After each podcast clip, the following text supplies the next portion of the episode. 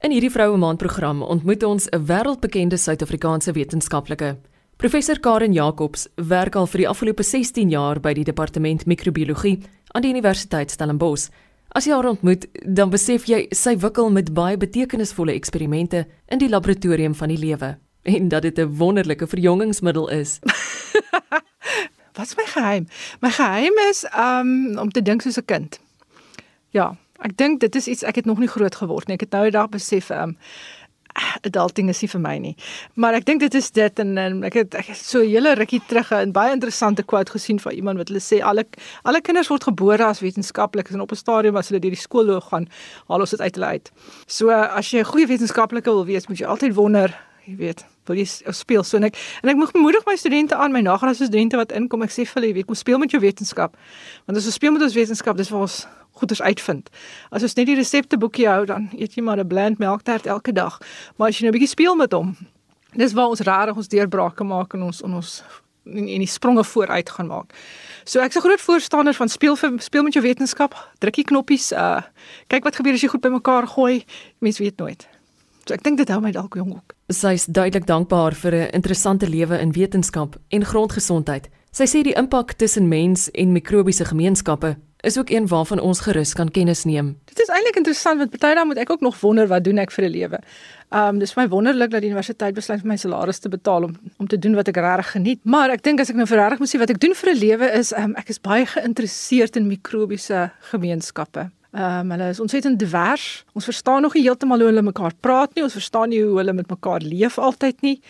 Maar ons weet dat dit wat ons doen, het 'n geweldige impak op hulle en ons weet dat daardie mikrobiese gemeenskappe het net so groot impak op ons.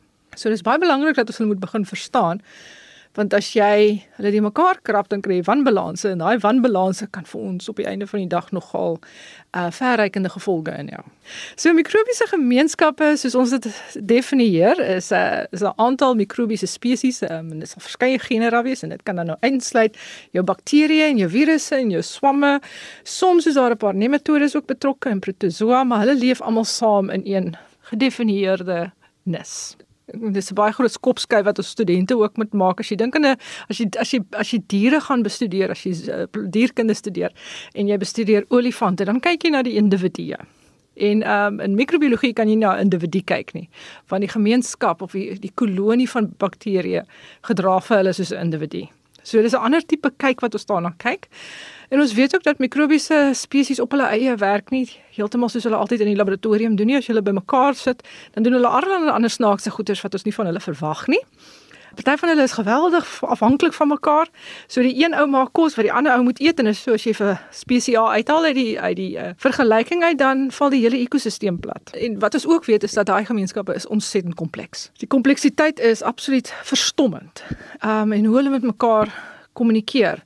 Bakterieë aan die ander kant is as jy dink aan mense en diere, ons is wat ons noem noem heterotrofe. So ons kry ons kos in van buite af en ons asem CO2 uit en ons het suurstof nodig.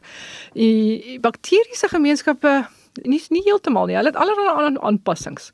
So ons het bakteriese spesies wat byvoorbeeld stikstof kan fikseer uit, uit atmosferiese stikstof. Ons het van ons mikrobiese spesies wat CO2 gebruik amper soos 'n plant, maar dis nie dis nie fotosintese soos plante nie. Ons het van hulle wat glad nie in die teenwoordigheid van suurstof wil groei of kan groei nie. So hulle het heeltemal 'n ander metabolisme. Hulle eet die snaakste goed van olie tot plastiek. Ons werk met 'n baie komplekse groep organismes. En dan die ander wonderlike ding wat ons uh, rukterig uitgevind het, is dat ons weet nie eers wie hulle almal is nie. So die meeste van ons mikrobiese gemeenskappe en die spesies binne in daai gemeenskappe het nog eers name nie. Ons weet nie hoe hulle lyk nie. Kan net byvoorbeeld uh, die voorbeeld gebruik van my PhD student wat nou besig is. Sy werk op 'n groep wat ons noem acidobakterieë. Um, en die acidobakterieë is 'n groep bakterieë wat in grond voorkom en hulle is dominant. So dit maak omtrent tussen 45 35 of 45% van die totale populasie uit. En tog kan ons hulle nie op plate groei nie. Ons weet nie hoe hulle lyk nie. Ons weet nie wat hulle doen nie. Ons weet nie hoe hulle genome lyk nie. Al wat ons weet is hulle is belangrik in die grond. Maar ons weet nie eers wat ons kan doen om hulle daar te hou nie. So ons is besig om nou aan daai ding te kyk. Sy's sy's baie geduld. Tasha net 'n shout out vir Tasha hierso. Uh baie geduld want sy is besig om hierdie organismes op te groei. En wat ons nou agtergekom het, hulle groei stadig. Dis hoekom ons hulle nie sien nie. So party van hulle kan ons op plate sit. Ons moet net baie geduldig wees. Dan sien ons hulle. Daar's nog soveel om uit te vind in terme van grondmikrobiologie dat ek dink nie ons gaan gou uit idees uithardloop nie. Karen wil graag deur wetenskap 'n diens lewer aan ander Suid-Afrikaners. Hieroor is sy passievol. Ek glo kennis is mag. Ehm um, en as jy verstaan hoe nou ons saam leef met ons met ons met ons mikrobiese gemeenskappe, dink ek mense kom al hoe meer agter hoekom dit nodig is en ek kan miskien die voorbeeld van die mens gebruik hier. Ons almal weet ons het bakterieë in ons. Alhoewel ons ma's het altyd gesê was jou hande is vuil. Nuwe navorsing het gewys, miskien moet ons hulle nie so veel kere 'n dag laat was nie. Uh weet jy, speel maar jou kinders in die grond, want as jy dit doen dan bou jy hulle mikrobe gemeenskappe op soos hulle gesonde gemeenskappe het. Net byvoorbeeld, die mikrobiese gemeenskappe op jou vel beskerm jou vel teen uh, ander infeksies. As jy kyk na jou mikrobiese gemeenskap in jou mond, as jy nie te veel suiker eet nie, as jy as jy as jy byvoorbeeld suiker inneem, dan dan dan verander jy daai hele gemeenskap na 'n bakterie wat suur produseer wat die enamel op jou tande afvreet. So jy kan eintlik keer die jou mikrobiese gemeenskap te ondersteun, kan jy keer dat jy te veel tandbederf kry deur hulle net nie die regte kos te voer nie. Um en ons ingewand is is vol van bakterieë. Daar's baie vitamiene wat ons en en wat ons nie self maak nie. Ons liggame kan dit eenvoudig nie produseer nie. So as ek jou nou heeltemal steriel maak, dink ek nie jy gaan vir 48 uur oorleef nie. Um want jy daai organismes nodig, hulle breek die kos af in jou dikterm. Hulle neem jou voedingsstowwe op. Daar's gewys dat van daai bakterieë produseer tipe hormone wat jy nodig het. Dit word nou jou mikrobiese gemeenskappe en en wanaanpassings of versteurings in daai gemeenskappe word nou uh, gelink. Daar's 'n koneksie tussen hulle en byvoorbeeld goed soos depressie en anoreksia.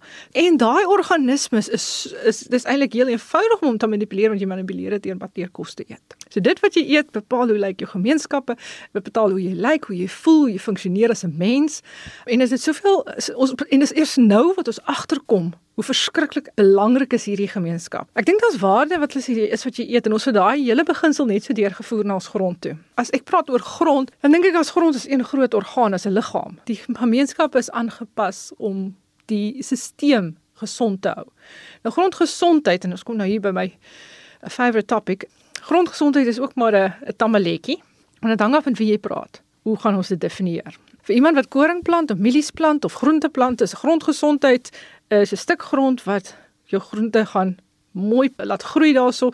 Jy gaan 'n geweldige goeie opbrengs kry. In terme van ekologie is dit nie noodwendig 'n gesonde grond nie, maar dit is 'n funksionele grond. So ek dink ons kan maar nog 'n paar terme probeer inbring, iets soos 'n funksionele grond dan van praat eerder as 'n gesonde grond. Want uh, in die middel van die Kalahari kry jy byvoorbeeld gesonde gronde, maar ek weet nie van enigiemand wat iets daar probeer plant nie. Maar per definisie is die grond gesond want dit ondersteun die gemeenskap en die omgewing daarsoom. So ek dink 'n mens moet mooi dink as jy praat oor grondgesondheid. Terug te kom die storie toe. Nou binne die grond is daar net so baie organismes. Daar's eintlik meer organismes in die grond as wat daar in jou liggaam is. En hulle sit rondom sanddeeltjies vas. Hulle sit in jou plante, hulle sit om jou plante. En dis dis 'n ontsettende groot verskeidenheid van hulle. Um, ons is nog 'n bietjie agter. Ons weet meer van die menslike mikrobiome as wat ons van die grondmikrobiome weet. Wat ons nou sover gesien het in ons navorsing is dat jy kan daai mikrobiome manipuleer. En ek weet daar's baie mense daar buite wat vreeslike aannames maak of claims maak dat hulle kan 'n mikrobiom maak en in jou grond sit.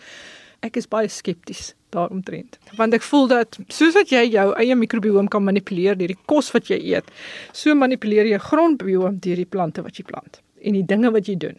En dit het die grootste effek op my biom. En ons het nou al redelik 'n paar eksperimente gehardloop. Ons het 'n paar publikasies uit om te wys dat wat gebeur met die grond en die en die wat jy plant op die grond het 'n groter effek as die goed wat jy bysit. Dit is nou waar ons nou is en ons uh, dis baie interessant. Ek dink wanneer mense begin besef wat die grondmikrobiom is en gaan kyk na hulle grondmikrobiom asof dit 'n tweede faset van hulle van hulle boerdery is en en omgee vir daai mikrobiom en hom versorg, gaan ons baie groot omkerings sien in terme van landbou en hoe mense landbou aanpak. Hierdie dinamiese vrou is ook een van die stigters van 'n maatskappy met die naam Sporatek. Vir haar is dit nog 'n manier om 'n waardevolle bydrae te lewer. Sporatek is iets wat ontwikkel het uit ons laboratorium uit, uit my navorsingslaboratorium uit. Ons het al hoe meer en meer navrae van mense van die publiek en van allerlei landboumense begin kry oor kan ons kyk in die grond? Wat se spesies is daar. Of hulle bring vir ons 'n botteltjie goed of 'n sakkie goed en sê tel asseblief vir ons die spore, sal hierdie goed werk in die grond en ons het regtig nie altyd antwoorde vir hulle gehad nie. En op 'n dag het ons besef maar ons kan ons kan waarde toevoeg tot hierdie hele ding. Ons kan ons kan vir mense 'n diens verskaf. En dit is nogal iets wat buite ons ervaringsveld is is hierdie diensverskaffers rol wat ons speel. Maar ek moet sê sover was die Dit was dit nogal nie 'n te onaangename reis nie. Ons is nogal aangenaam verras met die met die hoeveelheid aanvrae wat of die aanvrae wat ons kry vir dienste. En ek moet regtig sê ek is baie gelukkig om om vir Casper Brink te hê wat Ja, die hy is 'n staatmaker. Die tegnieke wat ons gebruik kom uit sy MSc studies uit. Wat hy sy daai tegnieke toegepas het op rooibos en heuningbos en ons het gekyk na byvoorbeeld wanneer jy seker wanneer goed gebeur met die grond, hoe lyk die veranderings in die mikrobiome en daar het ons heelwat lesse geleer. Um ons het toe verder gegaan die tegniek so 'n bietjie verfyn.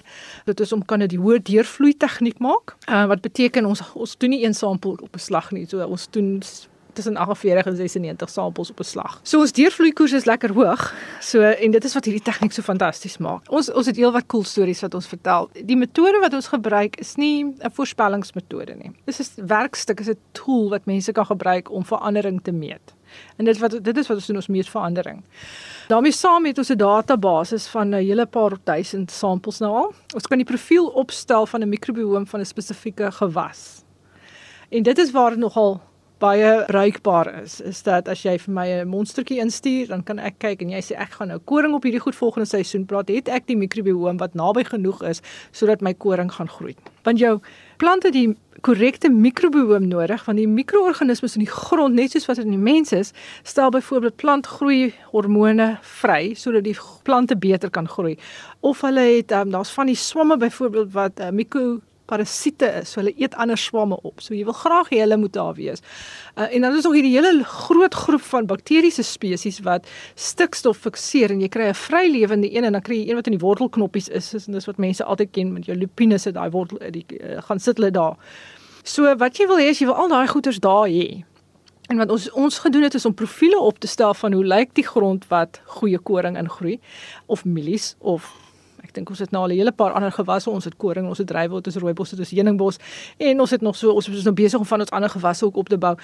En jy kan kyk, hoe ver is ek van 'n ideale mikrobiom af? Want hoe verder jy is, hoe langer gaan jou grond aanpas om daai mikrobiom voor te selekteer. En ek dink dit is waar wil jy sit uh, besluitneming terug in die in die kliënt se hande. Dit is waar ons nogal redelik baie joy kry. Dis mense wat begin om eksperimente te doen op hulle plase want hulle die huidige oplossings werk nie vir ons nie. So nou probeer ons ons eie goed. So ons het nou gehoor van dit en dit en ek het nou hierdie ene probeer om dit te doen. So kom ek meet of dit gewerk het en en dit is waar ons die meeste van ons werk nou sien. Professor Karen Jacobs van die departement microbiologie aan die Universiteit Stellenbosch meen dat 'n mens 'n mislukte eksperiment moet sien as 'n stap nader aan 'n vasbeslote gesindheid om moed opgee, geen plek op die periodieke tabel van die lewe te gun nie. Ek dink een van die belangrikste lesse en is een van die moeilikste lesse wat ek geleer het is daar's this value in failure. Baie van my studente as hulle die eerste hobbeltjie kry en hulle slaan op hulle neus neer, sukkel om op te staan. En hulle sien dit dit is asof asof hulle hulle self in 'n ander lig sien. En ek dink as jy jou en dit ek dink as jy daai kopskuif kan maak en dit het vir my baie lank gevat om my kopskuif te maak. Ek dink ek is van nature 'n positiewe mens. Dit help wanneer daar 'n terugslag kom. En daar's heelwat in wetenskap. Ek ek nou maar vir jou sê enigiemand wat dink dit is 'n 'n maklike loopbaan vir enige iemand, manlik of vroulik, is heeltemal verkeerd. In wetenskap het jy dik vel nodig. Jy moet kan weet hoe om jou negatiewe goed om te skakel na positiewe goed. En ek sê altyd as ek 'n negatiewe e-mail kry van jy het nie 'n grant gekry nie of jy het jou artikel is afgeskiet is om om vir 10 minute te sê en sê ek gaan nou vir 10 minute baie sleg voel hier hoor en dan is ek klaar dan gaan ons kyk wat trek ons daar uit. Kom ons haal al die positiewe goed uit. Ons gooi die negatiewe goed weg en ons gaan aan. Dink as jy jouself kan leer om dit te doen. Is jou pad op die einde van die dag so bietjie makliker of dit voel makliker? Dit is dalk nie maklik nie, maar dit voel makliker want jy gaan vorentoe. Waar as jy gaan sit en die hele tyd daai een terugslag analiseer en terug oproep weer 'n slag en weer 'n slag en weer 'n slag, dan sit jy net op daai plek en dis waar jy bly en dit is wat jou definieer as 'n mens. Ek dink dit help as jy van nature 'n positiewe mens is. My studente partykeer sê vir my ek is 'n die een enetjie my genoem is 'n 'n gutter cheerleader. Want sy sê ek wag tot hulle lê plat op die grond en dan in plaas van om hulle op te help sê kom aan, you can do this. Jy kan dit doen. Kom. So sy sê dit dit help nogal. Maar ek dink dit is belangrik om te leer om te weet jy's nie altyd iemand wat jou gaan ophelp nie. Jy sê jouself maar moet optrek en vir jouself 'n stel 'n lekker gereedskapkassie met tools te kry wat jou help om jouself daar op te trek en aan die gang te kom en aan die gang te bly. Ek moet baie keer maak jy 'n besluit en ek dink niemand van ons maak besluite en weet dit is reg nie. Soms maak jy besluit en jy hoop is reg En soms is geluk aan jou kant, maar ek sê ook hoe, hoe meer kere jy probeer, hoe gelukkiger raak jy. Is dit nie Gary Player wat so gesê het nie, hoe meer jy oefen, hoe gelukkiger raak jy. 'n Terugslag is ons sit daar ons dink daaroor, wat het ons verkeerd gedoen? Wat leer ons daaruit? En ek dink dis die belangrike ding. Wat leer ek uit 'n terugslag en hoe gaan ons aan? Vind gerus meer uit oor ons Vroue Maand programme op www.rsg.co.za. Dankie dat jy vanoggend saam geluister het. Ek hoop die res van jou naweek is vol aangename verrassings. Ek's Eloise Pretorius en ek groet jou. Tot volgende keer.